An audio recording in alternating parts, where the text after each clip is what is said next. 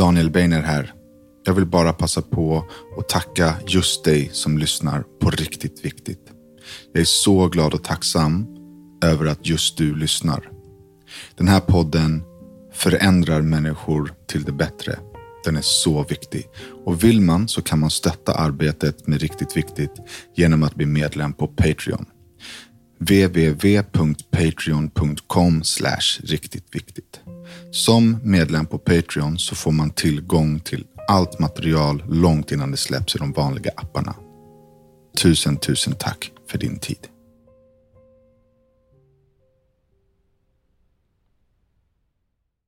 Hej och välkomna till ännu ett avsnitt av podden Riktigt Viktigt. Idag så sitter jag med en människa som är ny i mitt liv och ganska otippad skulle jag nog tro att människor eh, skulle tänka. Han heter Tobias Fogelqvist och är 41 år gammal. Hade sin första sorg när han var åtta och sin senaste när han var 39. Välkommen! Tack ska du ha, Danne. Har du eh, spelat in podd förut? En podd. Mm, och det var? Eh, med Hasse Brontén, Snutsnack. Då är ni, för du är polis till yrket? Ja. Ja, och då satt ni och pratade polis? Liksom. Ja. eh, Två specifika händelser som eh, var skillnad på liv och död. Mm. I mitt fall blev det det. Okay. Ehm, Så avsnitt 157, en lyftkran på 45 meter. Okay.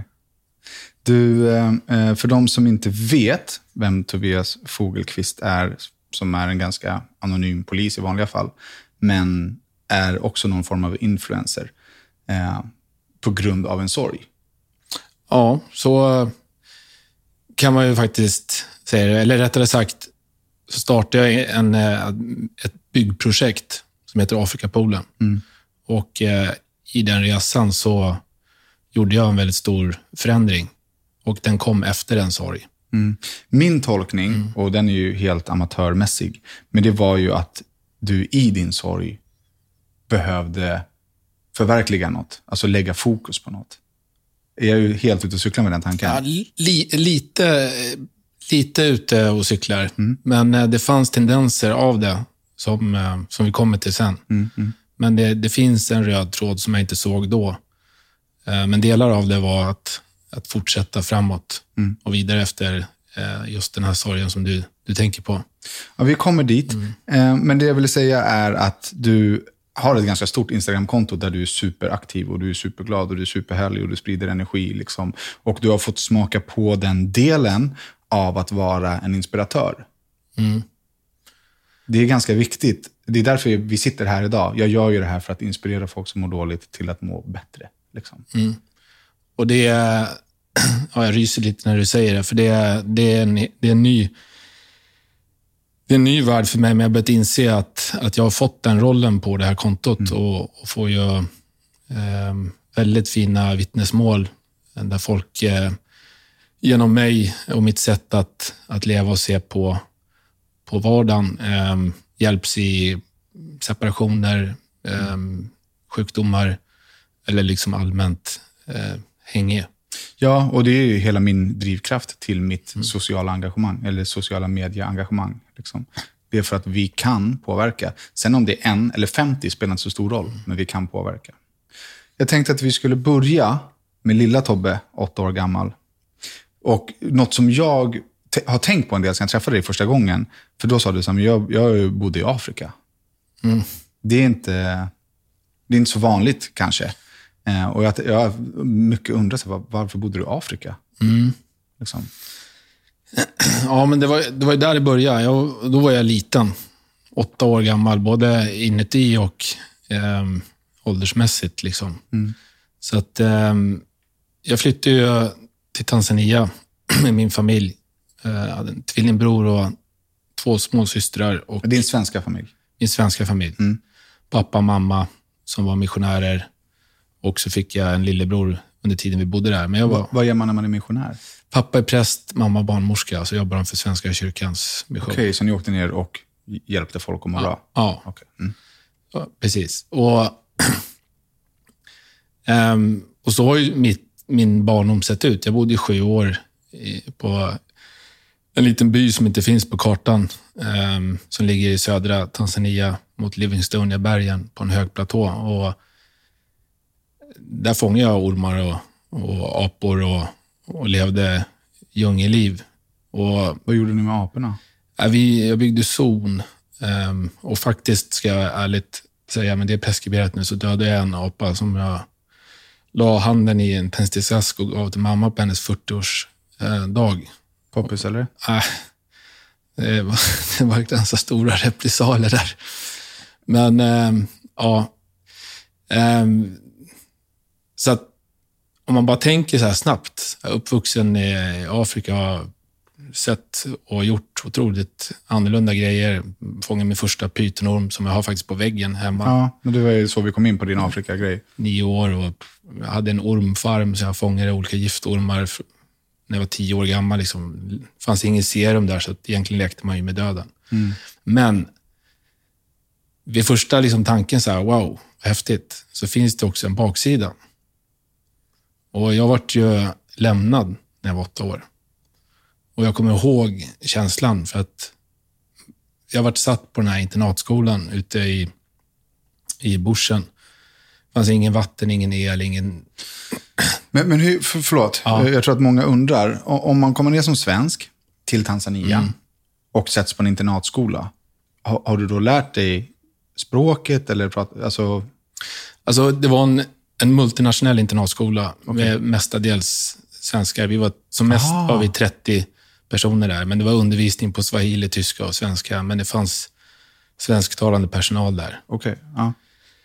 Och eh, sen var det nationaliteter från hela, eh, från hela världen där. Men, men eh, swahili lärde jag mig med åren. Eh, och så då. Men det som hände i alla fall, det är ju att jag placerades ju här. Och det här har ju liksom, det var här, det här är ju grunden till egentligen hela mitt fortsatta liv. Mm. Då placerades jag på, på internatskolan och så säger eh, mamma och pappa, vi ses om, om tre veckor. Men det dröjde eh, ett halvår. Och så fortsatte det. Jag kom hem på jullov, sommarlov. Eh, och de bodde 100 mil bort. Ehm, och eh, där bodde jag i sju år. Tills du var 15. Ja, då kom jag till Sverige. Så du bodde på internatet Ja. utan föräldrar tills att du var 15? Ja. Så där, eh, de första fyra åren, då grät jag varje natt. Mm. Ehm, och satt ehm, vid fönstret och tittade upp på ett berg. Och det är det berget jag har tatuerat här. Mm. Det var bara en väg ner hit. Jag väntade på att få se de här billyktorna. Mm. De kom ju aldrig. Och ehm, det, det där har ju liksom kopplat till min anknytning senare. Att jag, jag hade ingen anknytning. Jag hade ett stort behov av trygghet, närhet. Ehm, men den togs ifrån mig. Och ehm, det var så att den lilla Tobias, åtta år, var ju fortfarande kvar där i stora delar av mitt liv sen som jag levde. Och ehm, varje onsdag så fick man ju möjlighet att prata i en radio call fem minuter under övervakning. Och det var ju den kontakten man hade med föräldrarna. Mm. Ehm, så där, där bodde jag. Men du pratade ändå med föräldrarna varje onsdag? Varje onsdag så fick man fem minuter. Ifrågasatte du dem eller liksom, hur var de, vad gick de samtalen ut på? Det var mer bara, hej, jag saknar dig. Så att där blev det ju inte så mycket. Men fortsatte de säga att så här, vi kommer om tre veckor? Eller liksom, för det måste ju ändå ha kommit på tal. Ja, men det, det blev nog att um, det blev något förhinder. Någonting hade hänt och så sköts det framåt. Mm. Men sen, det jag kommer ihåg var att känslan var bara att jag ville bara vara hemma. Och så kände jag liksom varje dag i, i fyra års tid. Och Sen hände det en grej som, som jag förstått i efterhand. Att det var, jag klättrade upp i en garderob, för jag hade en pytonorm som bodde i innertaket på den här internatskolan. Som Mm. vart mitt husdjur. Som du placerade där. Liksom. Nej, den, den, bo, den hade bosatt sig där i innertaket Mm. och hasade runt. Och där någonstans ja, hittade jag någon trygghet, att det fanns någon annan. Mm. jag vet, det låter så jävla sjukt, men Nej, men människan är anpassningsbar. Ja. Är och jag är en överlevare. Ehm, Men jag klättrade i alla fall upp i den här garderoben och där satt jag, för det var, helt, det var väldigt trångt och slutet. Mm.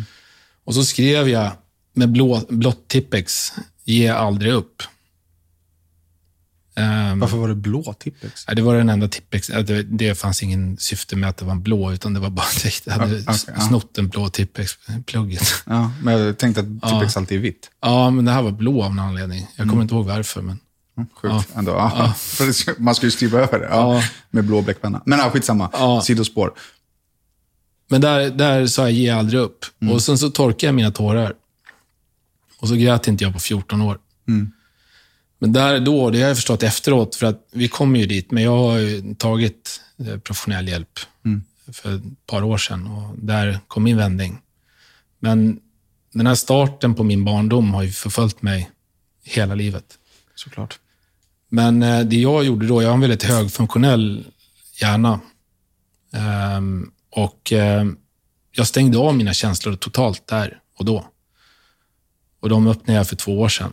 Mm. Så att jag har hanterat alla mina trauman och jag har varit med om väldigt mycket grejer med huvudet. Så fort det har blivit känslomässigt, både allt från relation till jobb och privatliv, Mm. då bara stänger jag av. Och sen så löser jag traumat eller bearbetningen med huvudet, rationellt. Och eh, Har det funkat då? det har funkat väldigt bra rent Hiring for your small business? If you're not looking for professionals on LinkedIn, you're looking in the wrong place. That's like looking for your car keys in a fish tank. LinkedIn helps you hire professionals you can't find anywhere else, even those who aren't actively searching for a new job but might be open to the perfect role. In a given month, over 70% of LinkedIn users don't even visit other leading job sites. So start looking in the right place. With LinkedIn, you can hire professionals like a professional. Post your free job on linkedin.com/people slash people today. Hanteringsmässigt. Och då tänker jag framför allt på, för jag har varit väldigt verksam inom Försvarsmakten. Jag drogs väldigt ut, utomlands till eh, farliga områden, resor och så vidare. Allting jag drogs hela tiden till eh, riskfyllda miljöer. Och även när jag jobbade så kunde jag lösa väldigt farliga situationer på ett väldigt lugnt sätt. För jag kopplade, bara, jag kopplade bort känslorna. Så jag kunde hantera allting på ett rationellt sätt. Sen har ju den här känslomässiga relationsbiten fått sig en... Det har inte gått alls. Kärleksrelationer. Kärleksrelationer, till viss del även vänrelationer, men framför allt också min, min självbild och mitt egna mående. För att eh, man utvecklar ju destruktiva beteenden som kan liksom visa sig i form av att man kan vara sexmissbrukare, man kan liksom börja dricka alkohol. Man kan också, liksom, i mitt fall då, jag var ju väldigt rotlös, jag drogs ju till faror. Utsatte mig själv för väldigt risk, riskfyllda moment. Undermedvetet. Liksom, jag sket i om jag dog. Alltså, jag gick igång på att liksom vara Men nära tänkte, död. är det jobbsituationer då, eller är det liksom privata situationer? Att säga, men nu ska jag gå balansgång på Västerbron, eller? Nej, inga sådana, utan jag har liksom alltid varit, haft liksom arbete och jobb. Men jag har inte brytt mig så här om, fan, det här är farligt. Ja, vad, vad kul. Det är ju häftigt. Mm. varit på utlandsmissioner, så liksom man rullar ut och det finns en väldigt hö- stor risk att det blir, att man hamnar i eldstrid. Det har jag gillat. Här- Har du gillat det för att du kan åka illa ut, eller för... I, i, eller för... eh, så här. Jag jagar väldigt mycket. Älskar att jaga. När jag sitter här och nu så tycker jag att det är väldigt obekvämt att prata om skottsekvensen. För den är liksom, det känns jobbigt, för att jag älskar djur och sådär. Men där och då, när jag, när jag sitter där och har lagt an, då är det som krig. Det är på liv och död. Liksom, det är, något ska dö och något ska ätas. Liksom. Eh, så där och då, i den situationen, så upplever jag ett helt annat lugn. Känner mig mycket stabilare och tryggare. Eh, känner mig mycket klarare i vad jag ska göra och hur det ska gå till, än vad jag gör nu, utanför situationen. Så eh, min fråga är då, är det i, i den situationen, blir du lugn och trygg för att du inte är rädd för att dö? Eller blir du lugn och trygg för att så här, jag är bekväm här, jag vet vad jag kan göra, jag vet vad jag är kapabel till? Den, det har jag faktiskt inte tänkt på, men jag, nu när du ställer frågan, ehm, just under den tiden så är, skulle jag nog säga att det är det senare du pratar om, att man känner sig lugn och trygg för att det här är någonting man kan. Men sen tror jag också för min del så fanns den här delen med att jag, jag sket i om, om mm. det hände mig något. Inte för att jag ville det.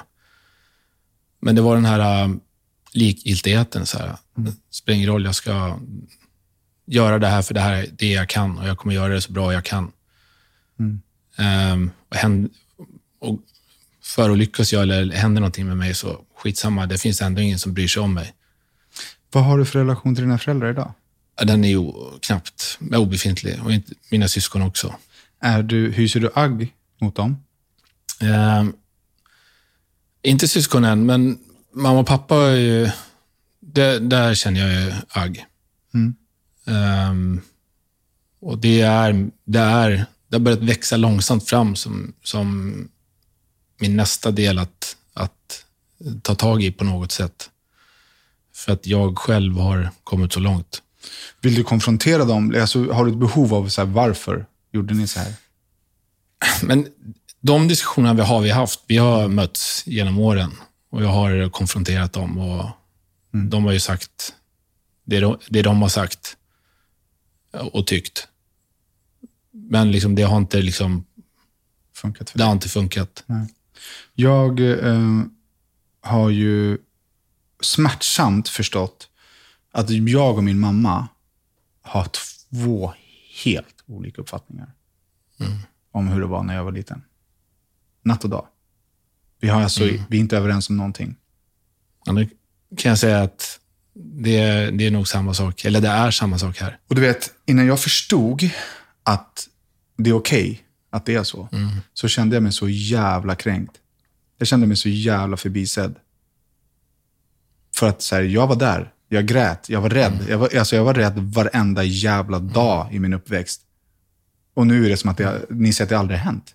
Mm. Eller är sura på mig för att jag berättar hur min barndom har varit. Att jag smutskastar er. Mm. Va? Nej. Men, och när jag, när jag liksom fattade att så här, det här är min verklighet. Det här är min upplevelse och min känsla och jag äger den. Mm. Och när jag pratar om den så är inte det för att vara dum mot någon annan. Mm. Det är mitt trauma, jag måste få läka det och ingen kan ta det ifrån mig genom att förminska det. Mm. Liksom. Men det är ju en verklighet att ni, du och din mamma har inte samma uppfattning. Det spelar ingen roll. Hon kommer aldrig uppleva det på samma sätt som du har gjort. Nej, det, nej, det är exakt så är det. Mm. Exakt så är det. Men det hjälpte mig liksom. Och ja. när jag förstod att så, okay, mamma kommer aldrig fatta. Mm. Jag har ju en, en jätte... Vänta, bara, bara det här du säger nu vet jag att jag kommer att ta med mig. Mm. Um, och tänka på. För det, det, det, det, jag är inte bitter, jag är inte arg. Mm. Alls. Mm. Inte alls. Alltså mamma gjorde vad mamma gjorde på grund av att hon var i en situation som jag inte kunde relatera till när jag var barn. Liksom. Sen om det är att de var fattiga, eller alkoholister eller missbrukare, det spelar ingen roll. Men mm. ibland så gör vuxna val utan att förstå vad det innebär för barn. Eller så lever man i ett mönster man inte kan bryta. Jag brukar säga att jag är, är en, en superhjälte. Jag förstår massa mm. saker. Jag fattar. Jag fattar att mamma tog till eh, grejer för att fly verkligheten. Mm. Det är ingenting hon gjorde mot mig. Hon försökte överleva sin situation. Mm. Precis som du har försökt överleva din och mm. precis som jag försöker överleva min. Liksom. Men jag, jag sitter på liksom, idén om att skriva en bok tillsammans med min mamma. Mm. Så ponera nu att jag och min mamma pratar inte mer om det här, utan vi har en och samma intervjuare. Han intervjuar oss båda, så han hittar den röda tråden, för det kommer man göra mm. ändå. Och sen så får jag berätta min sida om den situationen och hon sin. Och så var ett kapitel i min story, ett kapitel i hennes. Wow. Det kommer vara två helt olika mm. böcker. Två helt olika böcker. Mm. Den ena kommer vara fylld med skräck och sorg och våld. Jag vet inte vad mammas liksom, uppfattning mm. är.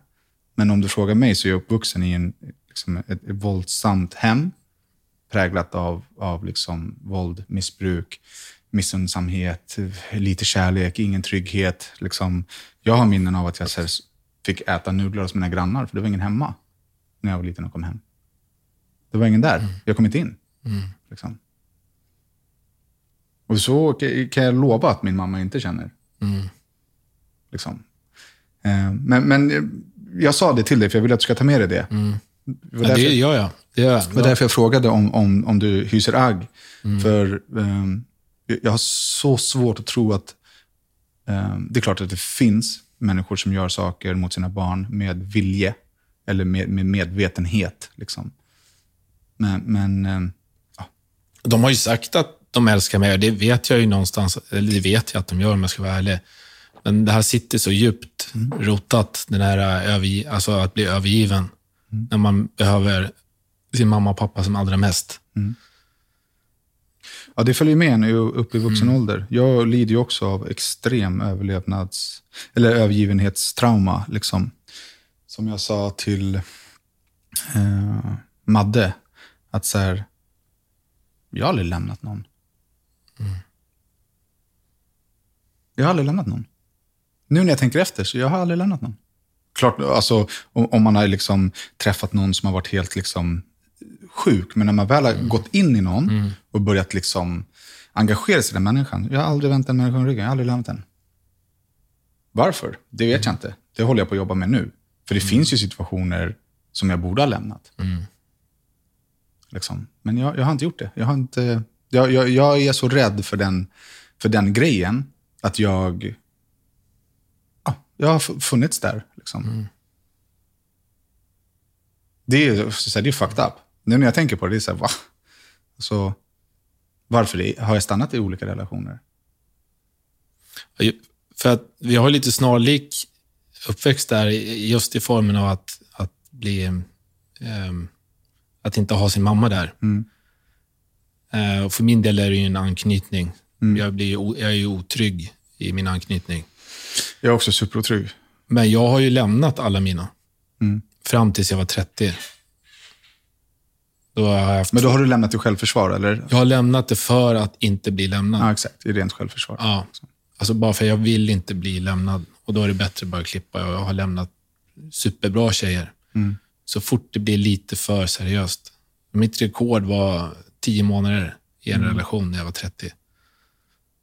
Jag har bara haft så här, jag har haft, alltså innan Madde så hade jag en tioårig relation. Men jag var otrogen 9000 gånger istället. Liksom. Ehm, så det är inte, jag borde ha lämnat den relationen. In, inte för att jag, hon inte var bra, utan för att jag inte var bra för den relationen. Men jag borde ha lämnat den istället för att stanna kvar och skada. Liksom.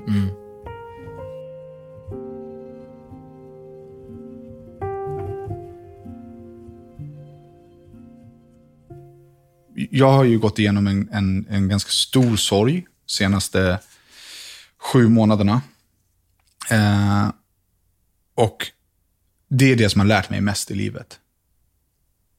Ingen terapitimme. Terapitimmarna har ju garanterat hjälpt mig att lära mig så mycket som jag gjorde nu. Men så mycket som jag har jobbat med mig själv de sju senaste månaderna, det, det, är liksom, det har varit helt avgörande för mig. Jag har ju gått tillbaka till när jag var fyra, fem år och gått igenom situation efter situation och liksom börjat kontakta folk jag varit dålig mot. Och liksom så här, jag försöker verkligen... ehm, jag ska inte säga att jag försöker liksom stilla mitt samvete, men jag genuint är intresserad av att bli bättre. Liksom, verkligen genuint. Eh, och med det så kommer det så jävla mycket insikter. Liksom. Det ska jag ta upp senare. Mm. I slutet av den här podden. Exakt det du säger. Ja, men det är spännande. Vi, vi har ju en bit kvar att gå. Eh, men okej, så att du flyttade hem till Sverige, du var 15 år gammal. Vad tog du vägen då? Alltså, om du inte, eller flyttade du med dina föräldrar hem? Vi flyttade hem med hela familjen. Så när de ville flytta hem fick du komma Ja. tillbaka? Och det var ju... eh, Ja, det var ju julafton för ett barn. Ja, men du blev glad då? Ja, jag vill, alltså jag ville ju bara hem. Ja, men kände du då att så här, nu vill de ha tillbaka mig, eller hur var känslan? Men jag hade väl en, en bild av att så här, nu kommer vi vara en familj igen. Jag hade ju längtat efter dem i sju år. Alltså jag hade ju varit hemma på lov och så vidare. Ehm, men ehm, jag hade liksom, det var ju den bilden jag hade, men det gick ju, gick ju inte alls. För att vi hade haft en sån alternativ uppväxt. Jag menar, fan, vi bilar ner 89 till Sydafrika. Min pappa är född i Sydafrika och mamma är uppvuxen i, i Rhodesia, Zimbabwe, som det heter idag. Vi bilade ner dit, vart inte insläppta, så det var apartheid, tältandes i Zambia, Mosambik, Malawi. Det var ju så vi spenderade våra semestrar. Jag, så att idag så tycker jag det är häftigt. Då, tyckte jag, då skämdes jag över min uppväxt. Jag, när vi kom till Sverige, då ville jag, hade jag en så stort behov. Jag var ju, hade ju inte... Min anknytning var ju borttagen, min otrygghet. Så att när jag kom till Sverige som 15 år, då ville jag vara som alla andra. Jag ville vara normal. Och jag hade ett enormt stort bekräftelsebehov. Såklart. Och eh, jag ville bara bli älskad. Så att allt jag gjorde, gjorde jag för att bygga upp en, en eh, alltså få bekräftelse, vara någonting. Eh, jag hade ett motto som var um, um, för jag reviderade det när jag var 20, men mitt motto var då um, var bäst i allt du gör. Mm. Men det egentligen man gör, det är att man misslyckas egentligen med allt. För det finns alltid någon jävel som är bättre, någonstans. Såklart.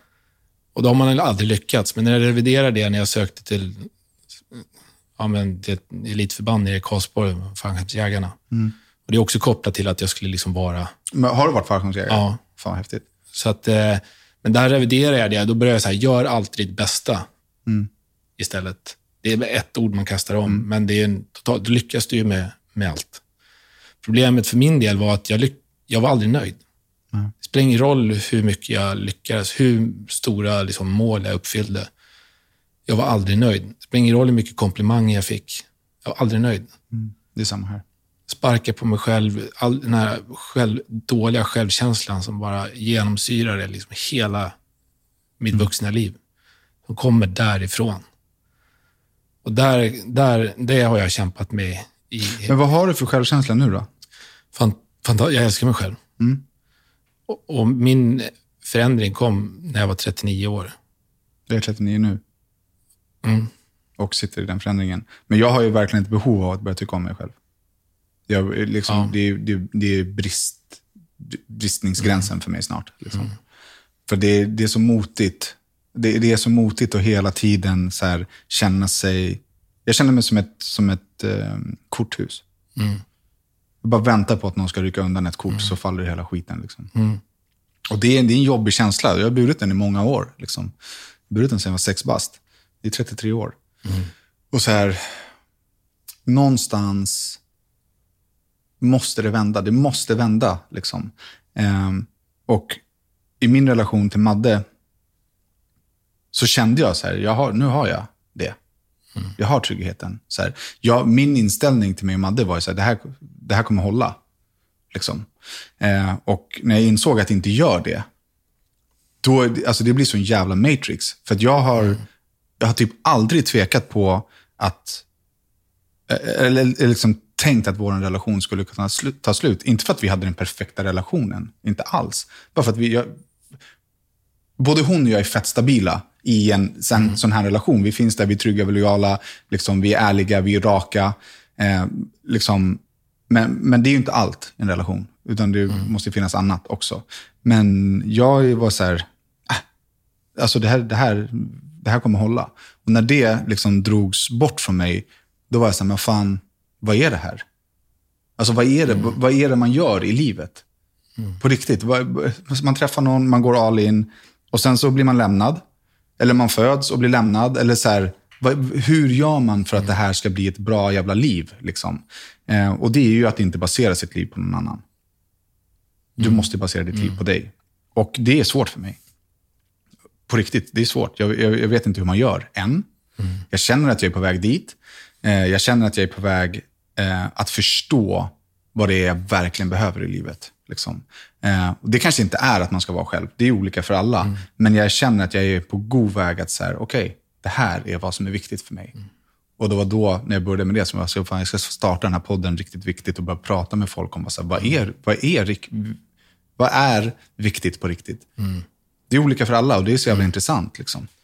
Att vi har väldigt liknande uppväxt, fast ändå på helt olika... Ja, men jag har en grej som jag vill säga. Jag har gett min mamma ett älgöga i en tändsticksask. Låg det bomull under? Ja, Det kommer jag inte ihåg. Men... Jag hade nämligen bomull under aphanden. Ja, Tryck. det kommer jag inte ihåg, men jag var, vi var uppe i, mamma är från Norrland. Så vi var där uppe och så fick jag följa med hennes brorsa ut och jaga. Liksom, och så tog jag ett älgöga så la jag det i en tändsticksask och gav till mamma. Men ja, vi, vi har en del grejer som, som är lika. Liksom. Eh, och, eh, jag, jag tror att så här, när man vågar börja prata om sorg så hittar man massa gemensamma nämnare. Alla som jag suttit här och pratat med, oavsett om deras bröder, eh, syskon har blivit mördade eller barn har dött, så har vi alltid hittat liksom, en, en, gemensam, en gemenskap i att verkligen våga sitta och dela. Liksom. Eh, och det är viktigt. Jag tycker att det är sjukt härligt att eh, sitta och lyssna på dig. Eh, hur kommer det sig att du valde att gå den lagliga vägen? Alltså du är militär, polis, liksom. Men Jag valde ju tvärtom i, Ja. i, i, i, i mitt liksom, sätt att hantera saker. Men jag har alltid haft ett, liksom, en inställning, högt rätt, rättspatos. Jag har inte alltid gjort rätt. Alltså jag har gjort fel också. Ehm, och jag är inte polis. Det är ett jobb för mig. Det har alltid varit. Jag är Tobbe. Liksom. Men jag har alltid så här, velat göra rätt. Det har varit väldigt viktigt för mig. Och hellre att jag liksom inte har mat på bordet, då skaffar jag och har jag inte råd med någonting, då skaffar jag liksom fler jobb. Och det har alltid liksom gått hela vägen, för jag har hamnat i miljöer med liksom droger och, och, och så vidare, även liksom när jag var eh, ung. Men jag har alltid liksom så här, nej, men jag har tagit mig där, jag har gått därifrån. För Jag tror att jag har haft drivet av att ha kontroll. Och, och sen ett, ett liksom, jag ska inte säga att bara för att man liksom tar droger och blir kriminell så har man ingen, alltså vill man folk illa. Liksom. Eh, Jag tänker inte gå in på vad anledningen är. Det finns jättemånga olika anledningar, men för min del var det det. Så här, jag, jag kommer aldrig ge upp. Och det var det jag skrev i garderoben. Det följde med mig hela vägen. Så att det har aldrig varit nära liksom att jag som valt den andra vägen, om man säger så. Nej. Men drivkraften att, att vara polis, är det att göra rätt? Eller ehm, är det att så här, men, om jag är polis så kan jag göra som jag vill? Nej, alltså, det, jag har inte de där klassiska, "Ja, jag vill hjälpa, ställa till rätta. Liksom så här, utan för min del så var det bara att det, det är ett yrke som passar min personlighet. Alltså äventyr, eh, man vet aldrig vad som händer. Det, alltså, du kan hamna i väldigt häftiga, konstiga, sorgliga, jobbiga situationer, men du ska hantera det. Ehm, så att jobbet i sig passar min personlighet. Eh, och jag har också växt in i det. Jag har jobbat 13 år nu. Så att det, är, det är ett tag. Ehm, och innan dess så var jag inte militär på heltid, men jag började min bana på ett elitförband av fallskärmsjägarskolan som prickskytt. Ehm, och sen så var jag ute och krigade ehm, och reste privat också. Så just den... Nu kanske går händerna, händelserna i förväg. Nej, kör. Det finns, Nej, men ingen, den det finns inga regler för det här. Det var liksom så här, äh, nu sitter vi här och, och pratar om mitt liv och det är väldigt, väldigt sällan som jag, jag tror var att jag nästan nog aldrig har pratat så här som jag pratar med dig nu om en hel röd tråd, vi kommer ju komma till idag. Och det, är- det är ju det är skönt för mig också. Så jag blev väldigt glad när jag fick den frågan. Men Anledningen till att du fick den frågan, så här, ehm, jag, jag känner ju dig via Madde. Det är ingen hemlighet och det, det kommer liksom komma mer eh, längre fram här. Ehm, men jag hade inte stenkoll på din story. Jag hade ganska bra koll på dig, för eh, så här, när, jag, när jag först, först fick reda på att du fanns, då visste jag ingenting om dig, utan då var du en polisgubbe som hjälpte henne med nattorientering. Eh, och så, jag la ingen vikt i det. Alltså, Absolut inte. Men sen när Madde flyttade ut härifrån, när jag var borta, så sa min dotter så här, fan det var en kille här. Madde var en kille. För hon hade sett er i bilen, liksom när ni åkte härifrån. Så jag bara, jag kollade så övervakningskameran, så bara, hmm, fan är det där? Liksom. Såklart. Jag började kolla upp. Och då fick jag reda på att du var polis eh, och att du var den polisen. Så då gjorde jag en, en ganska gedigen background Research. Check på dig. Och inte för att jag var sur, utan så här, är den här mannen bra? Är det en bra människa för Madde? Det var hela min anledning. Liksom. Och eh, till din, eh, till, vad heter det, till ditt, Fördel eller nackdel? nej men till, till din glädje. Så alla jag pratade med, som känner dig, som jag kom åt, var så nej han är bra. Det är, det är en bra, bra kille liksom. Eh, och då släppte jag det helt.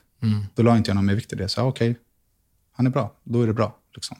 Ehm, men jag eh, liksom fattade inte Afrikapoolen då. Var det så här, aha, han bygger en pool som heter Afrikapool. Alltså så här, man fattar ju inte om man inte börjar följa dig och liksom titta på hela grejen. Eller lyssna på den här podden till exempel och få hela storyn. Men du la upp häromdagen bara. Så här, okej, de här grejerna har hänt i mitt liv och de har varit avgörande för mig. Och det var då jag förstod att, eh, eller så jag trodde att jag förstod att eh, det baserades på en sorg. Och det var då jag frågade dig. Liksom. Så att det, det är ju, jag går ju på att bjuda in folk som besitter sorg och en utveckling. För det är det som är viktigt här. Att folk förstår att sorgen kommer med en utveckling. Och det är inte farligt att vara ledsen. Det är inte farligt att vara olycklig. Och det, det har jag varit livrädd för i typ nästan hela mitt liv. Jo, men samma här. Eh, tills att jag var där. Alltså för, det är bara några veckor sedan. Nu när vi spelar in det här så är det vi i början på juni 2021. Vi vet inte riktigt när det här släpps. Men, men i maj, alltså jag, jag grät ju åtta veckor i sträck. Jag slutade inte gråta, dygnet runt. Det gick inte. Alltså det var helt omöjligt. Jag kunde inte andas, jag kunde inte äta, jag kunde inte sova. Det enda jag kunde göra och, och gråta och gråta och gråta. Och till slut var jag bara så okej, men vet du vad, jag ska må så här. Nu ska jag må så här. Jag, jag ska gå igenom det här. Jag ska ta reda på vad det är, vad jag behöver, hur ska jag bli bra. Liksom. Eh, Jag är verkligen inte bra än, men jag är på god jävla väg. För att jag tillät mig själv. Jag tillät mig själv gå igenom hela mo- självmordsscenariot, alla tankarna, hela vägen till att jag visualiserade självmord. Eh, liksom, jag tillät mig att tänka alla tankar. Jag säger, jag kommer inte vara rädd för det här, utan jag, jag, jag ska komma ut starkare. Men det får ta den tid det tar. Liksom. Eh, och det är det bästa jag gjort. Att våga vara ledsen. Liksom. Ja, som du, jag har aldrig varit ledsen. Eller klart jag har varit ledsen, men, men så jag fick inte, när, jag, när jag var liten och grät, då blev jag inlåst. Så fick jag inte komma ut förrän jag hade slutat gråta. Liksom. Så gråta för mig är ett trauma. När någon i min närhet gråter så blir jag sned. För att jag vet inte hur jag ska hantera det. Jag blir lack. Sluta gråta, alltså, fan är det med dig? Liksom. Eh, vilket är en jättedålig egenskap. Men det, har också, det är ju på grund av min anknytningsteori. För jag fick aldrig gråta. Jag blev aldrig tröstad. Jag vet inte hur man tröstar. Alltså, sådär. Eh, Men, men om ni mår dåligt, så våga må dåligt. Och ta hjälp. Jag har tagit hjälp från alla håll och kanter. Ta hjälp. Men var inte rädda för att må dåligt. Var inte det. För det är viktigt. Ja, Jag håller med exakt det du säger. Det poppar upp saker som jag kommer komma till sen som är eh, kopplat till exakt det du säger. Men i alla fall, det jag läste på din Instagram, det var eh, att du har en syster som har gått bort. Och att du har två stycken, ännu, t- ä, ä, vad heter det, ännu, eh, du har två stycken ytterligare trauman. Över, övergivnadstrauman. Liksom. Vi kan ta dem i turordning. Vi kan göra så här. kan vi göra. Att för i, min, i, min, I mitt huvud nu så är jag i Karlsborg på Fallskärmsjägarskolan. Och jag ska spola fram tiden väldigt snabbt. Men eh, till det du pratar om nu. Och det är ungefär tio år. Så jag ska dra det väldigt snabbt. Men det som hände efter det, det var att jag byggde hela min person för att liksom vara det som jag varit inne på tidigare. Få bekräftelse, att vara tuff, cool, hård. Allt det här, alla attribut du kan tänka dig. Men jag hade ju, la ingen vikt på insidan. Och tio månader var det längsta relationen jag hade. Jag hade inte svårt att skaffa tjejer. Nej. Ehm, Tror fan det. Snygg fallskärmsjägare. Men, eh, ja, tack. Men i alla fall, så att för min del blev det en flykt. Jag hade ingen fast punkt, ingen trygghet, ingen, ingenting. Så att istället, och jag pratade om det här med, med destruktiva beteenden. Eh, I mitt fall så blev det eh, att fly, att, att fylla hela mitt liv med äventyr. Eh, Så jag hade flyttat 36 gånger när jag var 30. Aldrig ägt eller haft ett eget hem och skaffat mig eh, skulder. Jag ägde ingenting. Och Playstation 3 var det mest värdefulla jag hade när jag var 30 år. Och eh, hade aldrig haft ett eget hem, inte ens en hyresrätt, utan andrahandskontrakter. 36 flyttar. Och där stod jag ehm, och träffade en, eh, en tjej. Och ehm, det blev seriöst. Och då jobbade jag nere i Karlstad i Värmland som polis. Eh, och då är jag ju 30 år. Bodde du i Karlstad, eller vadå? Ja, då hade jag ehm, ja, träffat henne och flyttat, flyttat ner dit. Och eh, skulle dra på en, en resa. Ehm, nej, vänta. Jag, jag fick jobb där nere och sen träffade jag henne där. Ehm, vi blev ju kära och då, då var jag ju polis och då hade liksom, någonstans har jag blivit ja, men lite mer stabil. Det var inte det här drivet av att liksom hela tiden utsätta mig för, för faror, utan jag var ju en bra polis och ordning och reda så, men jag hade noll ekonomi. Och, Ja, för eh, poliser tjänar väl skit? eller? Ja, nu har vi börjat få upp lönen, men då, då var det ju ruskigt dåligt. Så jag hade ju dubbla jobb. För att jag hade så mycket skulder. Jag hade en kvarts miljon i skulder. Träffade den här tjejen och eh, skulle dra till Guatemala. För jag hade fått för mig att jag skulle landa på Tegucigalpas interna- internationella flygplats, för det är ett av världens farligaste flygplatser. Man flyger ner mellan massa berg. Och Den ville jag ju till. Så jag skulle dra en tre veckors resa Och själv. flyga, alltså få skjuts i ett plan? Ja, eller? skjuts ner. ja. Och sen landade jag. Sen skulle, jag bussa. Ja. sen skulle jag bussa runt i Guatemala och El Salvador och hålla på härja där. Och hon bara, men åk... Ja, men hon, hon sa aldrig så här, åk inte, men, men hon bara så här... Hon, hon, jag såg ju på henne att hon var ledsen. Vi hade ju Mm. hängt så. Jag bara skit i det. Så jag bara drog iväg till Arlanda, klev på gate 5. Och där gjorde jag... Mitt liv är fyllt av väldigt många vägskäl. Där brukar jag säga att där började min resa till idag. För fram tills dess hade liksom, jag varit en, en skit. Och jag mådde ju inte bra. Utåt sett gjorde jag det. Självkänslan, eller själv... ehm, ja, men självkänslan var eh, urusel. Så jag går, ska, den ropar upp mitt namn och så tänker jag så här, nej Tobbe. Våga vara kvar i det här. Så gick jag fram och sa det, kan jag lasta av min väska? Lastade de av väskan, tog jag väskan och sen så flög jag hem till Karlstad.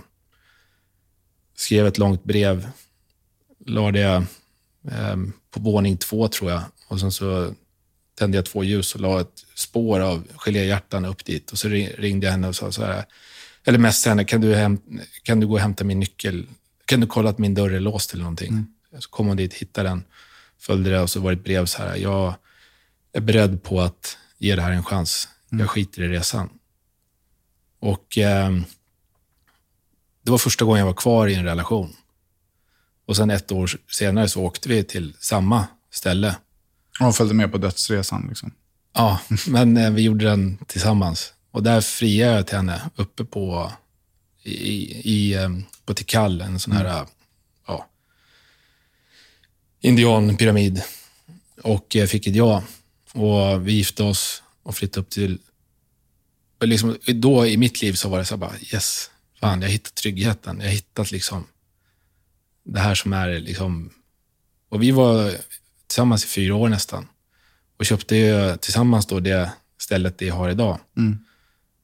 Ehm, och där började min kamp, det här med att nu måste jag få ordning på mitt liv. Jag är 30 år, jag har aldrig haft en bostad, jag har urusel ekonomi. Så att, och då min resa med, jag började googla hantverksyrken och köpte tre maskiner och sen lånade jag pengar och renoverade en lägenhet. Så renoverade jag flera lägenheter. Gjorde mig skuldfri. Helt skuldfri. Du köpte lägenheter, eller vadå? Eller? Ja, jag, jag lånade pengar av en kompis. Köpte en lägenhet, renoverade den, Mm. sålde den. Och gjorde mig skuldfri och skaffade mig kunskap på vägen. Och sen så flyttade vi ihop, renove- renoverade hennes lägenhet. Jag fattade så här att fan jag, fan, jag kan ju det här. Det är ganska lätt att lära sig. Mm. Och sen köpte vi det stället jag, där jag bor idag. Tillsammans Mm. köpte vi det. Och eh, det var ju fantastiskt. Så här, jag trivdes ju direkt när jag kom dit. Och det är ju åtta år sedan nu. Mm. Då flyttade vi dit. Och mitt liv var ju så här på topp. Alltså, han, ingenting kan gå fel. Jag äntligen hittat hem. Jag var så långt ifrån att, att vara klar inombords. Jag hade inte haft något. Det var bara en, ett skal, en yta, ett korthus. Och sen eh, kommer vi till det här, de här traumorna som, som du pratar om. Mm. Jag satt i, jag hade fortfarande inte fått jobb i Stockholm, så jag pendlade till Karlstad. Men vi hade, hon hade fått jobb i Stockholm. Så vi Okej. pendlade till Karlstad. Hyfsat långt jobbet. Ja, men jag jobbade skift då, så att det gick. Och jag skulle precis åka ner. Sitter i äppelträdet, beskär med en motorsåg. Då bara kommer hon fram, det är en söndag. Jag bara, jag vill säga en sak. Jag bara, ja, stänger av den. Jag vill skiljas. Och jag brakade ihop, jag bara, allt försvann. Och började skaka, jag bara så här, fan, tryggheten togs ifrån mig.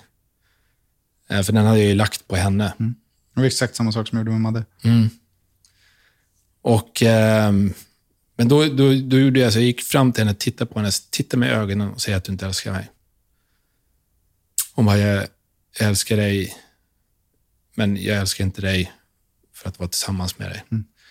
Och då slöt jag ögonen och sen så gjorde allting för att respektera hennes åsikt. Ehm, Ehm, men det var otroligt jobbigt, för jag såg att jag hade ingenting. Så åkte ner, så jag hanterade trauman på den tiden stängde av, men det var ju svårt. Jag åkte ner, bara jobbade tio dagar, kom hem. Då hade jag haft inbrott, som hade snott precis allt jag hade. Ehm, jag bara, "Jaha, det var ju tråkigt. Hon hade flyttat ut. Jag bara så här, började fundera på hur, hur kommer jag ens kunna behålla det här. Mm.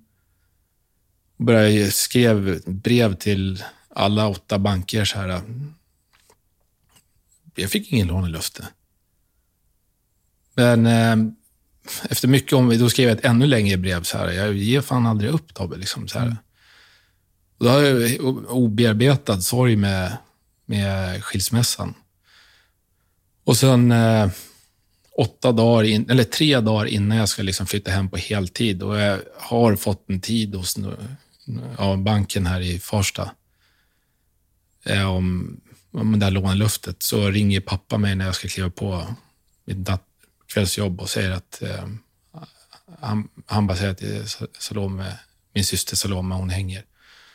Hon har ju tagit livet av sig. Och pang, liksom, det är ganska my- stora grejer på väldigt kort tid. Verkligen. Selling a little or a lot? Shopify helps you do your thing however you cha-ching. Shopify is the global commerce platform that helps you sell at every stage of your business. From the launch your online shop stage to the first real life store stage, all the way to the did we just hit a million orders stage.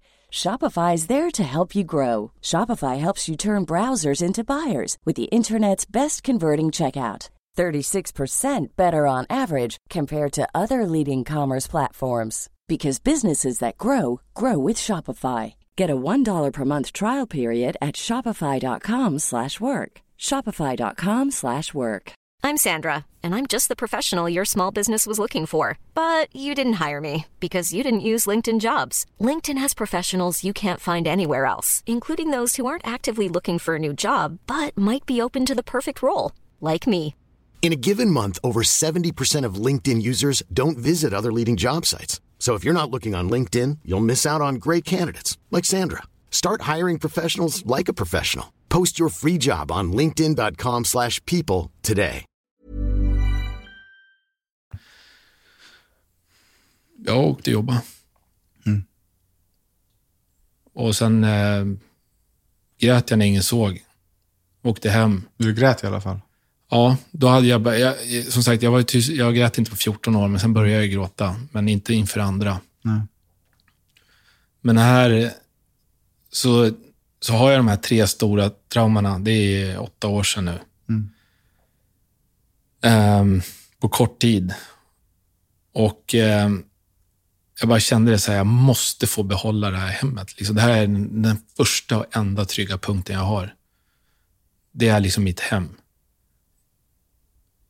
Och sen lyckades jag, jag vet inte hur, men jag höll ett två timmars anförande med gjort kalkyler och googlat bankmöten och gjort eh, diagram och visat så att det här, tro på mig, hon bara så här, du spricker på allt. Men så tog de i lånekommittén ett, ett beslut som sa hon så här, på mina 20 år så har jag aldrig varit med om det här. Men de tog ett sentimentalt, eller de såg till min situation. Och jag fick det lånet och datumet är ju intatuerat här vid eh, fyren då, som är symbolen för mitt, mitt hem. Och då satt jag under de här två tallarna. Mm, precis, det var det du la upp. Ja. Och sen så bara tittade jag så här bara, ja men jag, jag, jag grät ju. Liksom så här, syrra var borta. Skilsmässan, allt det hade tagits ifrån mig. Ehm, jag såg ju inte min egen del i det då. Men det var ju startskottet, det andra vägskälet för mig. Så att, men jag fattade inte då att jag måste göra liksom en större förändring. Så att jag sitter i alla fall i den här skogen uppe på berget. Eldar, drar en flaska whisky, för jag hade en, en väldigt nära vän som jag tjänstgjorde med i Kongo under kriget 03, när jag var, jobbade där nere då. Han hade varit sju år i franska främlingslegionen. Och vi var väldigt tajta i alla fall. Han, då följde jag slaviskt det fjärde budordet i, i legionens bibel och det är ju målet där helhet ska genomföras till varje, varje pris oavsett kostnad.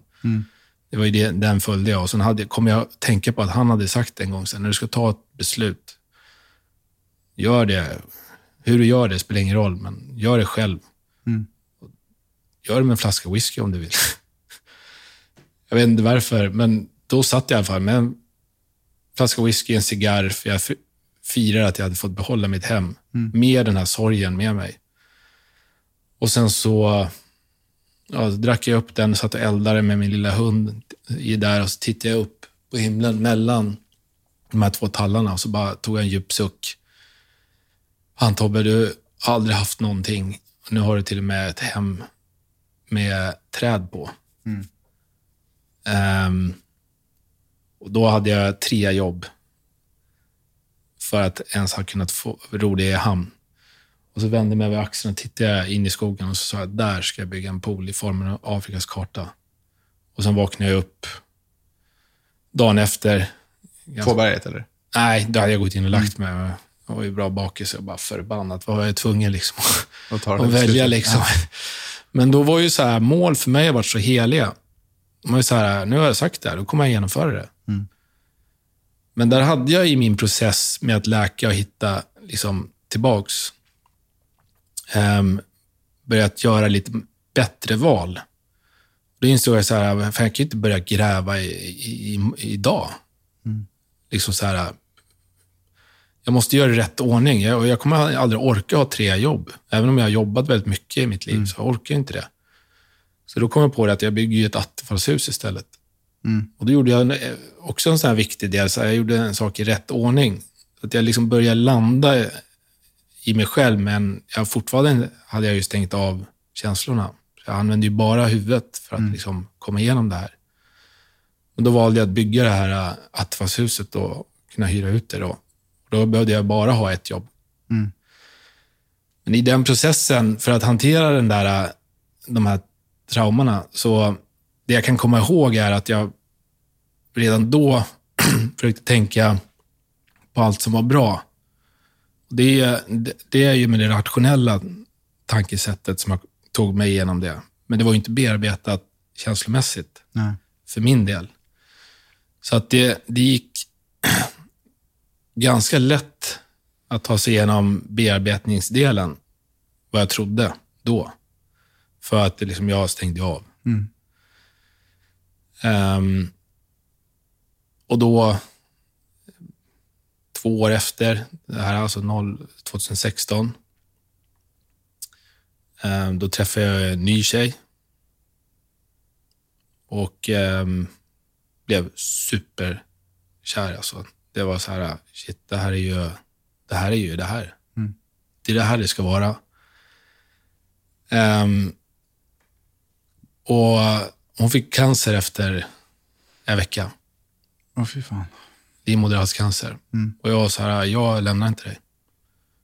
Vi tar oss igenom det här. Och jag gjorde det på mitt rationella sätt, för jag hade fortfarande inte släppt fram känslorna.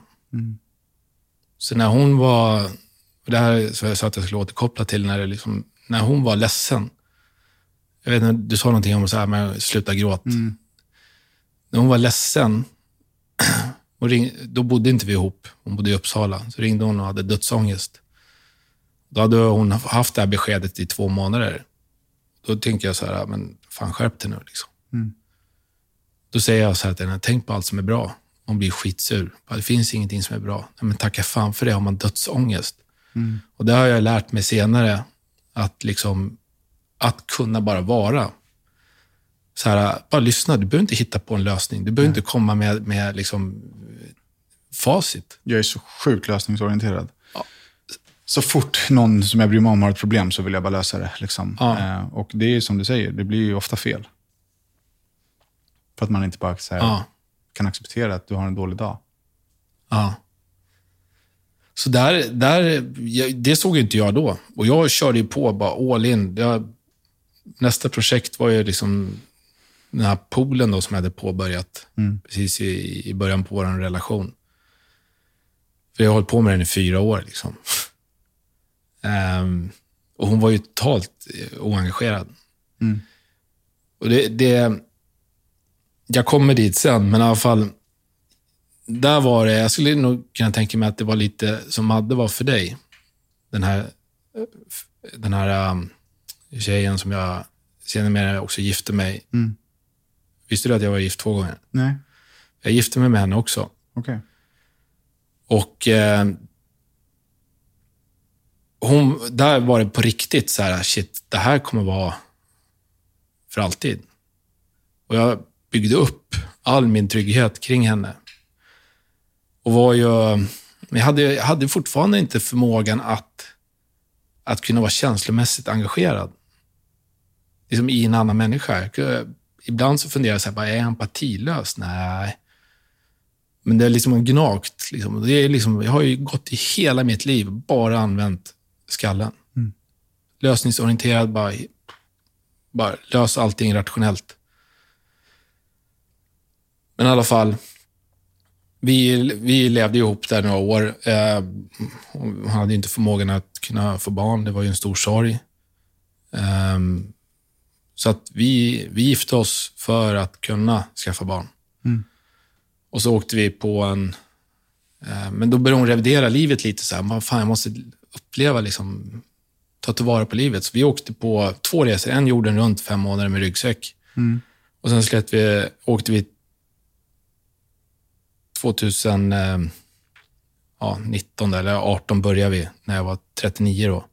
Så åkte vi på en 100 dagars resa i, i Sydamerika, i Colombia, Galapagos, och Argentina, Chile och Patagonien och riktigt äventyrsresa i paradisställen. Och sen hamnade vi på Hilachranche i söder om Rio de Janeiro ute i Atlanten. Det är en sån här paradisö. Så här, äh, finns inga fordon där. där liksom vi började närma oss slutet på resan. Vi skulle av, avrunda med eh, karnevalen i Rio. Och jag liksom så här, i min värld, så här, bara, fan, living the life. Liksom. Fy fan vad skönt. Jag ska hem och, liksom, och köra igång med poolen igen. Jag hade slitit stenhårt med den. Liksom. Nu fick jag göra den här resan. Så sitter vi på stranden och så säger hon bara så här, jag vill skiljas. Jag fattar ingenting. Bara, va? Jag hade inte fattat någonting. Idag fattar jag allt. Då fattar jag ingenting. Och jag bara så här, ja, tittar mig i ögonen och säger det. Upprepar liksom det. Hon säger det. Jag älskar inte, jag vill i en annan riktning i livet. Och jag bara, men va? Varför har du inte sagt något? Jag har ju försökt. Jag hade inte förmågan att se det. För jag hade liksom inte kopplat på den delen.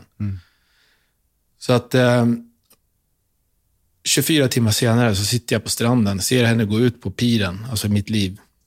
Det var på riktigt mitt liv. Hoppar på en båt och så åker den iväg. Jag hoppar tillbaks 31 år i livet. Hamnar på internatskolan i Afrika, åtta år gammal. Och bara är jag här igen. Jag satt i tre timmar på den här sandstranden. Solen gick ner. Helt ensam. Jag bara...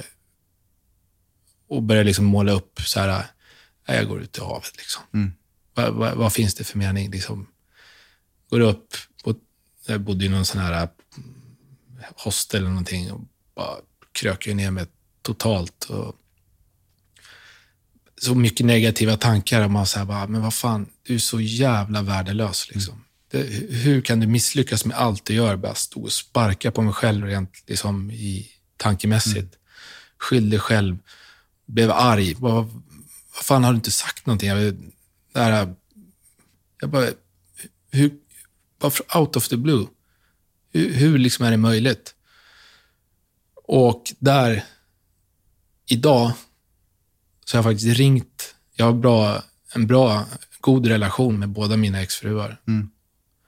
Och det var ett halvår sedan så ringde jag upp och sa tack för att du lämnade mig. För utan, utan det mötet jag hade med dig så hade inte jag varit den jag är idag. För att jag kände att det, det, idag jag, jag är helt säker på, det hade aldrig, vi hade aldrig haft ett liv ihop med den personen jag var. Och jag hade aldrig haft förmågan i den relationen att göra den förändringen. Så att ehm, jag satt och målade upp hela mitt liv på den här stranden i La Cranche. Och bara, liksom det, det är passé. Jag, jag, jag spelade in med Madde igår. Det säger ju ingenting till er som lyssnar nu, för jag vet inte vilken ordning det kommer släppas. Men då så sa jag samma sak till Madde. Jag är tacksam för att du skilde dig från mig. Eller att du lämnade mig, eller liksom hur man ser på det. Där och då fattade jag inte. Där och då blev jag helt förstörd. Alltså all, allt försvann från mig. Eh, men Madde sa till mig, i, den, i det ögonblicket, sa hon så här, hon bara, jag vet att du inte förstår nu, men du kommer förstå. Liksom. Du kommer haja varför vi inte ska vara ihop. Gåshud. eh, trots det så har jag sagt till henne ganska nyligen att så här, du, du är min vän alla gånger om, men du är också min exfru. Liksom. Vi, vi, jag vill ha dig kvar i mitt liv, men jag kan inte förlita mig på den tryggheten som jag hade hos dig. Det finns inte. Alltså, jag behöver göra det på ett annat sätt. Liksom. Eh, jag hade ju ett enormt liksom, trauma kring skilsmässan. Och jag har gjort den skilsmässan bra, enligt många och enligt mig själv. Liksom så här, jag, jag har inte bråkat, jag har accepterat hennes beslut. Jag har liksom gått in med inställningen i att det här ska bli bra, vi ska vara vänner. Liksom. Eh, jag träffade ju en tjej ganska direkt efter Madde. Eh, eller rättare sagt, när du hjälpte Madde att flytta ut härifrån så var jag ju med en annan tjej på en resa. Eh, och den tjejen och jag har haft det skitbra, men det var väldigt liksom tätt inpå mig och Madde. Så att den, jag och den här tjejen fick eh, eh, en del problem och det slutade med att hon också lämnade mig. Så jag fick ett så här dubbel, dubbeltrauma på väldigt kort tid.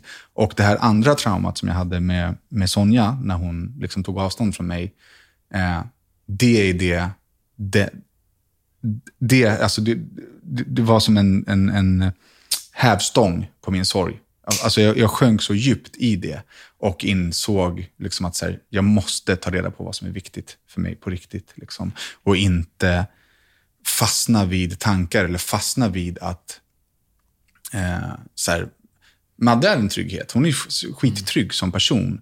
Men vi är inte längre i en trygghetsrelation. För det var det vi hade. Mm. Vi hade mycket mer, alltså såklart vi hade kärlek för varandra, men vi hade mycket mer en trygghets, eh, ärlighets, lojalitetsrelation än vad vi hade kärleksrelation. Liksom. Eh, och det är jag tacksam för. Jag är tacksam för att hon såg det och hade hon inte lämnat mig så hade jag aldrig varit där jag är idag med de insikterna jag har idag. Liksom. Och jag tror att det är väldigt få, eh, både kvinnor och män, som hamnar där vi har hamnat. Där man så här, jag fattar. Liksom. Jag, var aldrig, jag och Madde har aldrig varit sura på varandra. Alltså, det är klart vi har bråkat, men så här, vi har aldrig gjort någonting. Det finns inget hat. Liksom. Det hade varit lättare att hata ur en relation än att vara bra i en relation. Liksom. Eller i en separation. Eh, men det är ju... Det gör så jävla mycket med en att bli lämnad. Liksom. Eh, och, och Sonja sa till mig, hon bara, du, alltså så här, du, du har en hel, en hel del grejer som du behöver reda ut. Liksom.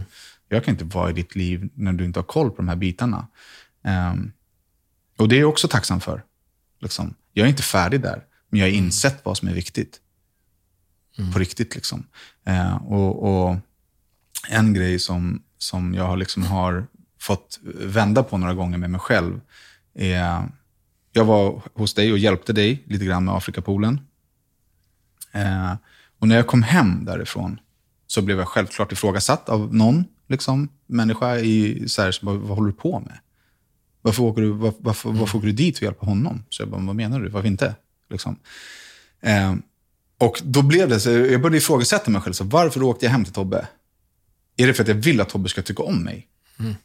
Eller är det för att jag är, vill att Madde ska tycka om mig? Eller är det för att jag faktiskt är bra i det här? Och jag kunde inte svara på det. Det tog skitlång tid innan jag så här, kunde reda ut det. Jag kommer ihåg att jag sa till min polare, men jag, sa, jag är Sveriges mest utnyttjade människa. Jag, jag, jag försöker vara alla till lags. Liksom. För att jag har dålig självkänsla. För Det är en stor del av det. Jag har dålig självkänsla. Jag vill vara speciell. Jag vill att man ska tycka att jag är bra. Att jag liksom är eh, eh, bättre än, än... Inte att jag är bättre som... Eh, så, eh, vad heter det? Att jag är över någon annan. Men att jag är liksom... Man tänker på en bra människa så vill jag att mitt namn ska komma upp. Liksom. Eh, och jag har landat i att så här, självklart så vill jag visa både dig och Madde att jag är, är okej med situationen. Men också, jag vill vara en människa som ger. Jag vill det. Och det har jag inte alltid velat. Utan jag har gett för att få. Men jag tror att så här, en del av det som jag har landat i nu, jag, vill- jag, alltså, jag vill inte vara som jag har varit. Jag vill vara positiv. Jag vill vara bra. Liksom. Ehm, så det, det, det var en viktig del av mig att jag fick gå igenom. Jag hade inte tänkt på det innan jag åkte till dig. Utan det, det kom när jag kom hem. Så här. Och då blev, först blev jag arg. Jag var arg på Madde, jag var arg på mig. Jag var arg, alltså jag var arg. Liksom. Eh, men, men jag har jobbat med det och eh, eh, jag har landat i att så här, fan, jag vill vara bra. Är folk bra så vill jag vara bra. Liksom. Och det är, jag tror det är svårt. Det är, det är jättesvårt. faktiskt. Och jag menar, ehm, i, i liksom, nu, det går att se på den här situationen med olika ögon, såklart. Eh, men en, ett par ögon är ju så här, att Madde gick från mig till dig. Sen vad ni har för relation, det har inte jag satt mig in i, men att jag vet att ni hänger, jag vet att ni mår bra, jag vet att ni umgås väldigt ofta, jag vet att hon har bott hos dig och att du har hjälpt henne med utflytten härifrån. Så ur mitt perspe- perspektiv så gick ju hon direkt från mig till någon annan. Sen eh, eh, huruvida ni blev ihop eller inte, det spelar ingen roll. Så länge du har varit bra mot henne. Liksom. Och det har ju varit min, liksom, min go-to hela, hela tiden. Så, här, men han är bra mot henne, då måste jag ge det till henne. Jag är inte arg på henne. Jag vill inte att hon ska må dåligt. Jag vill inte att hon ska vara ledsen. Sen om, om hon hittar saker hos andra människor som är bättre än vad jag lyckades med, så är det kanon. Liksom. Och det kände jag ju ganska omgående med Sonja. Att så här, det, vissa grejer som jag hade med Sonja hade jag inte med Madde. Och de grejerna är skitviktiga för mig. Liksom. Ehm, och det sa jag till Madde också. Jag vet ju inte i vilken ordning de här poddarna släpps, men i podden med Madde så sa jag det också. att så här, eh, Det är en grej som fick mig att förstå, så här, shit, det här har jag velat ha. Det här är ju skitviktigt. Det, det, det, det är inte så att det tar bort någonting som, från det som jag och Madde hade. Men jag kan se vad du och Madde har som jag och Madde inte hade. Bara det att du säger så här, "Men jag åkte och gick med en väska i hundra dagar. Jag tänker, du är sjuk i huvudet. Det skulle jag aldrig göra. Men jag vet att Madde skulle dö för att göra det. Jag skulle aldrig göra det. Jag åker, jag åker med ett första klassplan någonstans, sen bor jag i en lyxsvit och någon serverar. Det, det är vad jag tycker om. Jag tycker om att ligga vid poolen, jag tycker om lyx och servering. Jag skulle aldrig gå på en strand med en ryggväska och inte veta vart jag ska. Det är skräck för mig. Liksom. Men jag ser hur du lyser upp när Ja, du det pratar om det. ja, men alltså, det, det är paradis för mig. Ja, och det är det för henne också. Förstår du? Och det behöver inte ta någonting ifrån mig, mer än att jag kan se att så här, fan, det här är bra. Ni har egenskaper som, som, som gör att jag förstår varför vi behövde gå isär. Liksom. Eh, och, och det är viktigt. Jag, vet, jag, vet, jag hade ingen poäng med det, men det, jag tycker det är kul med de här insikterna. Och att vi kan sitta så här och prata om det är ju magiskt.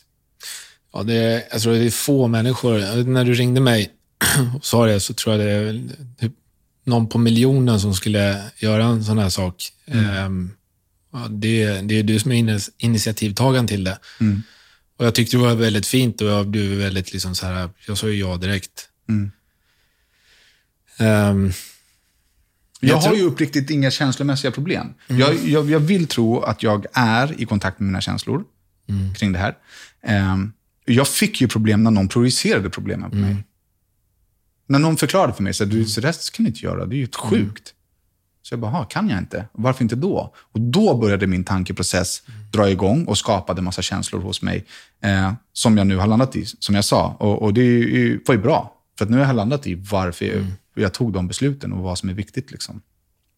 Eh, och det är inte skitviktigt för mig att hjälpa dig med din pool. Liksom. Men om du ber om hjälp, så såklart kan jag så hjälper jag till. Sen spelar det ingen roll om det är Tobbe eller om det är Kenneth. Liksom. Det är klart man ska hjälpa till om man kan. Jag tror att man skulle, liksom, mänskligheten skulle komma Nej. bra mycket längre på det. Det skulle man absolut göra. Och jag, jag tycker det är lite så här, det är väldigt intressant att, att lyssna på det för att du är uppvuxen liksom i, i eh, alltså nära, nära med våld och, och, och baksidan i liksom med förorten. Och jag är uppvuxen i, i Afrika. Vi har levt helt olika liv, men ändå har så liknande händelser som har liksom genomgått. Eh, jag har haft gåshud flera gånger när jag har lyssnat på det här. Och sen har det varit skönt för mig också att liksom, eh, prata om det. Jag, jag, tror- alltså det, det handlar om att vara människa bara. Vi, oavsett om du har varit polis och jag har ägnat större delen av mitt liv till att inte vara polis. Ehm, så vi är människor och människor går igenom saker. Det är därför jag har den här podden. Du behöver inte vara känd. Det spelar ingen roll om du är polis, eller om du är prostituerad eller om du är supergangster. Liksom. Nå, någon som jag intervjuat har varit gangster, någon som jag intervjuat har varit lillebrorsan till en gangster som har blivit mördad. Det är så här, vi är människor och, det händer skit. Det spelar ingen roll vad du har för jobb, vad du har för liksom, status eller vad du har för ekonomi. Livet händer och livet gör fucking ont. Liksom. Och då behöver man ha en, ett forum för att kunna prata om det och dela med sig och liksom visa människor att det är okej. Och det går att ta sig ur.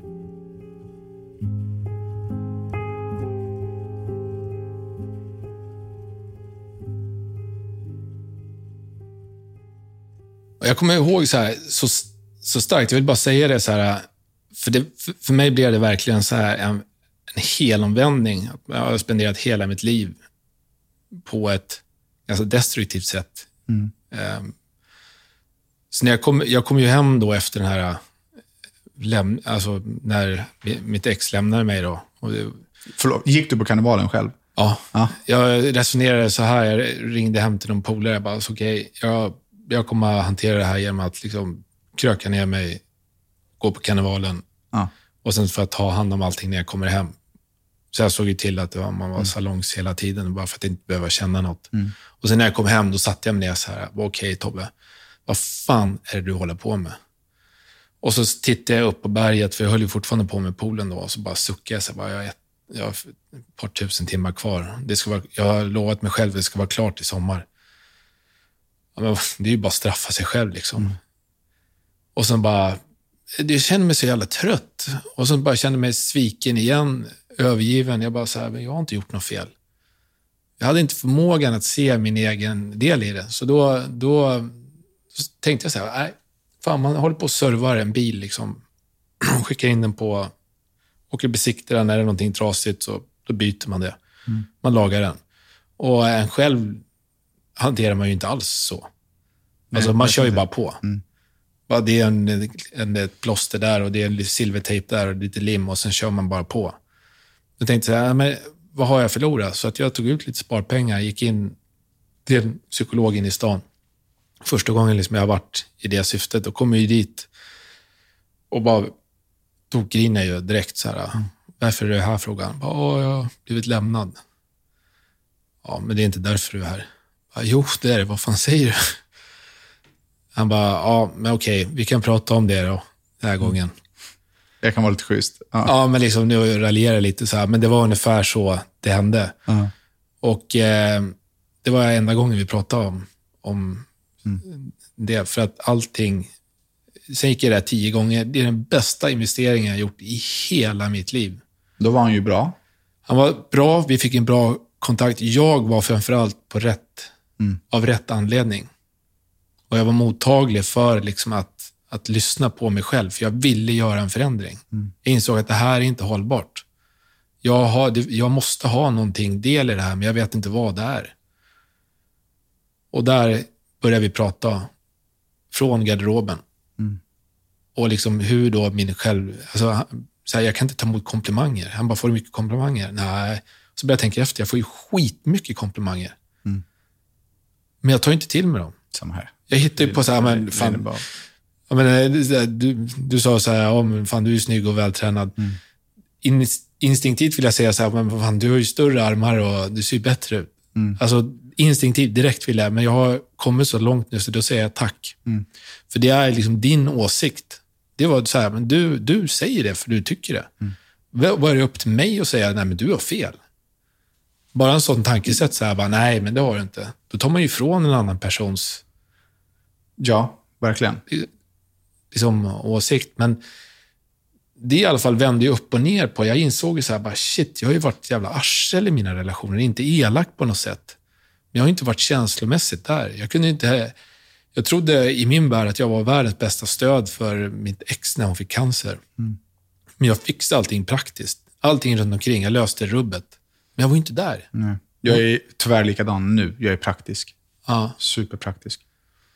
Och det räcker inte. Alltså, det gör inte det. Och det lär jag mig varje dag. Förlåt, jag ska inte avbryta, men det är så här, jag hör vad du säger och bara, jag vill också vara där. Jag, jag, jag vill snabbspola. Jag är på väg dit. Och jag är två år före dig. Och det här hände ju... De här insikterna hände ju för mig i augusti, september samma år. Hon lämnade mig i, i mars. Mars, april, maj, juni, juli, augusti. Fem, sex månader. Men där började jag processa väldigt mycket. Och eh, jag insåg att jag duger inte. Alltså att jag så här bara, det, fan jag håller på och bygger liksom Sveriges coolaste berg, eh, pool liksom. Det fanns ingen som trodde på det. Är jag nö- nöjd? Nej. Kommer jag vara nöjd när jag är klar? Nej. Kom, har jag varit nöjd med något? Kommer jag få ett nytt mål som är ännu större? Ja, förmodligen. Jag är aldrig nöjd. För att jag kommer aldrig tillåta mig själv att vara nöjd. Jag duger inte till någonting. Jag, fan, jag har aldrig tyckt att jag ser bra ut. Liksom. Det, det är så här, otroligt dålig självbild. Och då började jag så här, vad är det jag har gjort det hela livet? Jag har alltid försökt anpassa mig. Jag har alltid försökt duga, passa in. Mått dåligt långa perioder. Det är ingen som har sett det. För det ser man inte. Man ser inte, och man ska aldrig jämföra så, o, psykisk ohälsa. För den är på så olika sätt och den kommer av så många olika anledningar. Men hur man hanterar det, det är ju det som är viktigt. och Hur man liksom vänder på det. Och där gick jag in i mig själv fullt ut. Jag bara så här, men vänta nu. Och sen så, för jag har tatuerat mitt liv på min arm. Du är ju tatuerare, men det här är ju mitt träd. Mitt, pers, eh, mitt ähm, ähm, körsbärsträd. Och det här är ju mitt liv. Det har ju inte varit rakt. Jag hittade hem till vad jag kallar mitt hem då. Och det är datumet när jag satt under tallen. Och sen fortsatte livet och sen hittade jag pusselbiten. Och den hittade jag under 13 oktober 2019. Så hittade jag den. Och det är första gången jag kommer ihåg ögonblicket. Och sen så här, och så började jag gråta så här. Tobbe, jag älskar dig. Och sa du, och så började jag prata med mig själv så här, bara, jag älskar dig. Och då hade jag gjort en övning innan det som jag hade fått av den här äh, psykologen. Och Sen gick jag ut och satte mig under det här trädet. Då ställde jag mig i kallingar framför en spegel, men jag hade inte tillräckligt stor, spegel. Och nu kommer, du hade gjort samma sak. Så här. Ja, och jag måste ha en större spegel. Ja, kastade mig bilen och åkte till Ikea. Ja, den största spegeln jag har. Ja, fick en gigantisk spegel. Körde hem den, ställde den mot väggen. Och så stod jag framför spegeln. Fem meter bort. Bara, Tobias, vad är det absolut viktigaste i ditt liv just nu? Och då ska man ju svara, svara någonting och då blev det nog så här, skitsamma vad det var, men ett pool eller inte fan vet jag. Och sen tog jag ett litet steg närmare, närmare och ställde jag samma fråga, jag upprepade den säkert 40 gånger och fick ju ganska samma svar de första metrarna. Och jag hamnade en meter if- ifrån mig själv, jag ser hela mig själv. Vad var det absolut viktigaste? Fan vad jobbigt det började kännas. Det slutade med att jag står, man ska ju komma fram med näsan och bara stod rakt i spegeln. Och jag visste ju vad som, alltså jag hade ju känt det. Ja, Tobias, vad är det absolut viktigaste i ditt liv? Och då går jag ner på knä, börjar skaka, gråta. Och så säger jag högt till mig själv, bara, du är det viktigaste för mig. Och sen så i nästa mening så säger jag förlåt för att jag har behandlat dig så dåligt. Förlåt för att jag inte har tagit hand om dig. Och där, hade jag, där mötte jag mina känslor. Jag mötte den lilla pojken som var åtta år och satt i garderoben och stängde ner känslorna. Mm. Och för mig så var det vändningen. Och det, jag satt där i ett par timmar. Sen gick jag ut, satte mig under körsbärsträdet. Och det är första gången som jag riktigt älskar mig själv. Och så sa jag till mig själv, att du duger för den du är. Du behöver inte passa in någonstans. Alltså försöka uppfylla normen eller liksom vara någonting. För du är en god människa, du är en bra människa. Och tänk på det här du har sagt, det här med att man vill vara bra. Att försöka vara någon annan som man inte är, det kan ju bli kontraproduktivt. Så in i helvete. Och sen började den, den resan började där. Och där släppte jag fram känslorna. Och eh, jag insåg också kort senare, det, det, var inte lika stark upplevelse, men jag, jag kände så här, att, vad är trygghet? Och då gick jag till mig själv, ja men jag är min egen trygghet. För den kan aldrig någon ta ifrån mig. Och då blev jag så här skitglad. Det delade jag på Afrikapolen, för där började jag så här, då startade jag Afrikapolen. Mm. Och så, så gick jag och pratade, bara, fan jag hittar min trygghet så här, i mig själv, för den kan ingen ta ifrån mig. Och jag har alltid sökt den hos andra. För jag har behövt det. Fan, jag har en lång bit kvar känner jag. ja, förlåt, fortsätt. och, eh, och där liksom så här... För mig så blev det, jag ska inte säga att det var enkelt, men liksom, där började hela min förändring.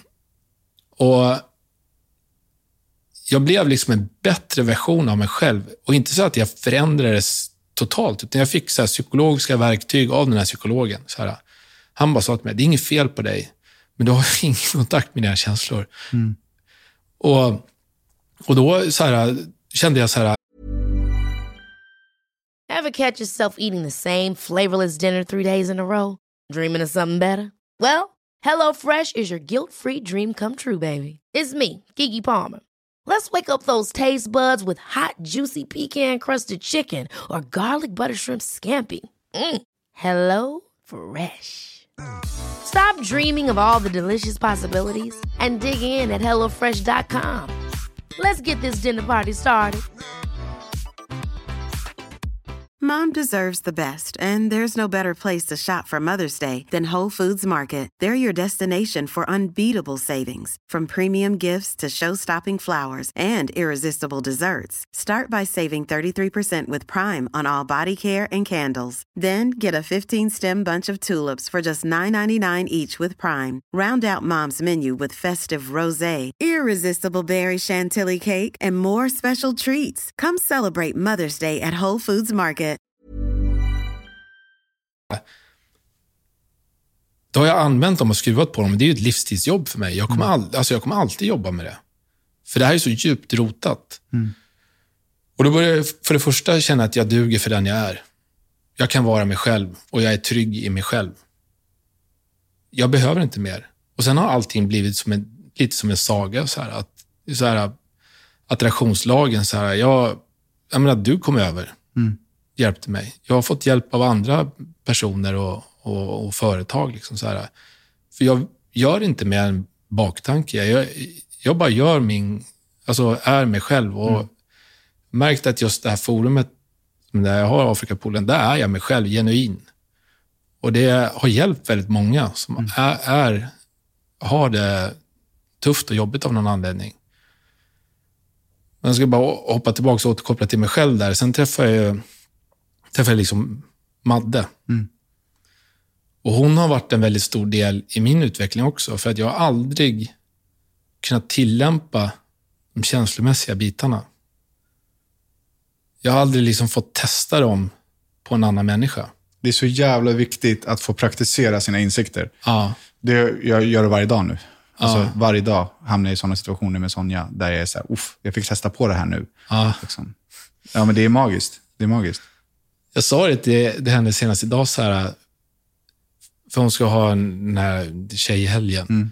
Och det, är- det är grejer överallt. Hon har ställt dem hos mig och hon har roddat. Så jag blir så imponerad. Så här, men så tycker jag så synd om henne. Bara, Ska du bära allt det där själv? Så här, jag, bara, jag vill bara hjälp, hjälpa henne. Så här. Och då, så här, då, jag sa till henne, så bara, Fan, jag är så glad för att jag har aldrig känt sån empati för någon annan. Och Det handlar inte om Madde i sig. Det handlar bara om att jag har öppnat mina Ja, exakt. Alltså mina, din kanal. Min liksom. kanal. Jag har släppt fram känslorna, så nu, jag kan känna, känna empati. Då blev jag så här glad för att jag kunde känna empati. Mm. Det är ju egentligen inte kopplat till Madde, men nu har hon blivit en symbol är fel att säga, men hon har blivit en person som har hjälpt mig i min utveckling utan att jag egentligen hade planerat det. Mm. Och hon är väldigt bra på det. Och jag har blivit satt i situationer, ja, men, vi har haft gräl och bråk såklart, där liksom jag har liksom tvingat mig själv att vara kvar där som du själv sa. Så här. Och så man, vill man liksom dit och bara gå in i gamla mönster, men man tvingar sig själv och sen så kan man prata om det. Och vilken boost det är. Det är en superhjältegrej. Ja. Det, det, är ju, det är en superkraft. Liksom. Och sen, som, som sagt, vi har ju väldigt mycket likheter, Jag ska bara flika in här. Det här är mitt träd. såklart. Eh, med årtal på alla människor som har varit avgörande i mitt liv. Eh, och där är... Du ser trädet är dött. Mm. Och där är jag, fågeln som flyr. Det döda trädet. Liksom. Eh, det är inte lika positivt sy- sym- symbolik som ditt. Men jag har också trädet. Det här kom ju efter, jag har inte haft det här så länge, det här kom ju efter den här insikten. Ja. Ja, nej, det här, kom, det här är gammalt. Liksom. Ja. Men Men ehm, det är mycket likheter ändå, får man ju säga. Men det som är så roligt idag är att jag mår ju så fantastiskt bra. Det är klart jag har dåliga dagar, men liksom mestadels så... Liksom, äh, att blicka tillbaka så jag har haft mycket trauman. Och så, man ska inte jämföra sådana trauman heller, för de liksom är, beroende på vad man har för bakgrund och vad man har för anknytning så kommer de te sig på olika sätt. Om någon lovar mig någonting och bryter det så kommer jag bli galen. Eller skulle blivit det, för det är ett brutet löfte. Idag så jobbar jag med att liksom så här, vad fan spelar roll då? Mm. Det kunde jag inte göra förut. Men att när man hamnar där det är nu då, sen, återigen så återkopplar jag till Afrikapolen, men det är bara för att det handlar inte om bekräftelse. Jag har aldrig fått så mycket bekräftelse. Nej. Aldrig fått så mycket beröm. Men det betyder... Det är klart man blir glad. Jag ska inte säga att jag inte blir glad, men betydelsen av det är inte viktig överhuvudtaget för min självkänsla. Jag vet vad jag går för. Jag blir glad. Men det som jag blir... Jag gör det för min skull. Jag har ingen baktanke. Och sen har jag valt att dela liksom, delar av det i det. Och sen har jag insett att fan, Tobbe, du, har en, du är en otrolig inspiratör. Alltså folk blir inspirerade och jag får jag har sparat 157 meddelanden i en speciell mapp.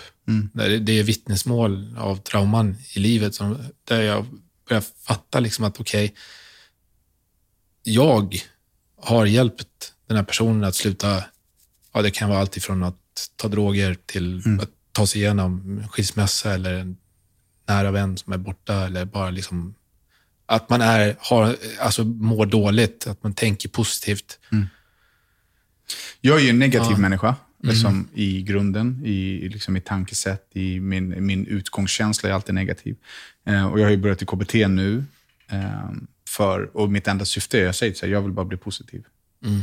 Jag vill vakna och vara positiv. Jag vill att min första tanke är positiv. Jag vill inte längre dras med det här gråa molnet. Jag är som Ior med det här gråa molnet som förföljer mig hela tiden. Eh, och en del av min läkning är det här. Det hjälper mig att prata. Alltså, du har sagt jättemycket saker idag som jag kommer ta med mig. Och liksom, jag känner redan nu en, en, ett avund på så här, shit. Allt det som du säger att du har blivit av med är jag i.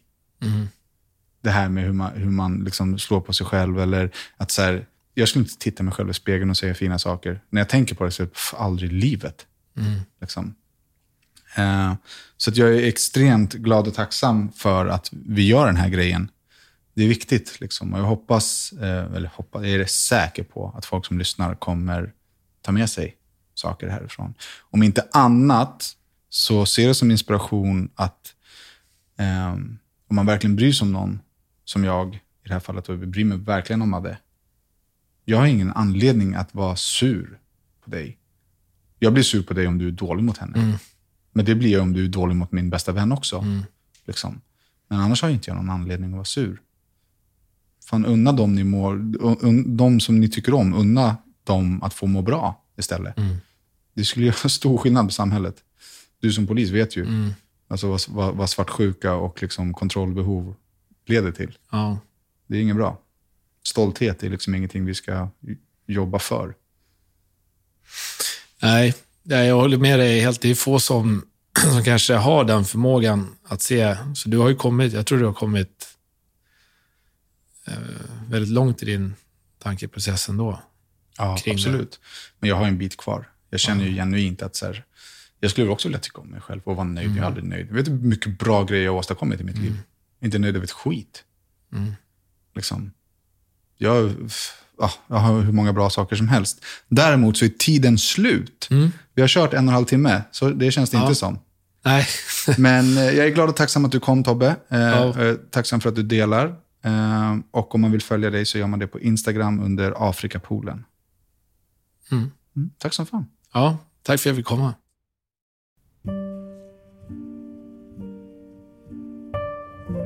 Daniel Beiner här. Jag vill bara passa på att tacka just dig som lyssnar på Riktigt Viktigt. Jag är så glad och tacksam över att just du lyssnar. Den här podden förändrar människor till det bättre. Den är så viktig. Och vill man så kan man stötta arbetet med Riktigt Viktigt genom att bli medlem på Patreon www.patreon.com riktigt viktigt. Som medlem på Patreon så får man tillgång till allt material långt innan det släpps i de vanliga apparna. Tusen, tusen tack för din tid.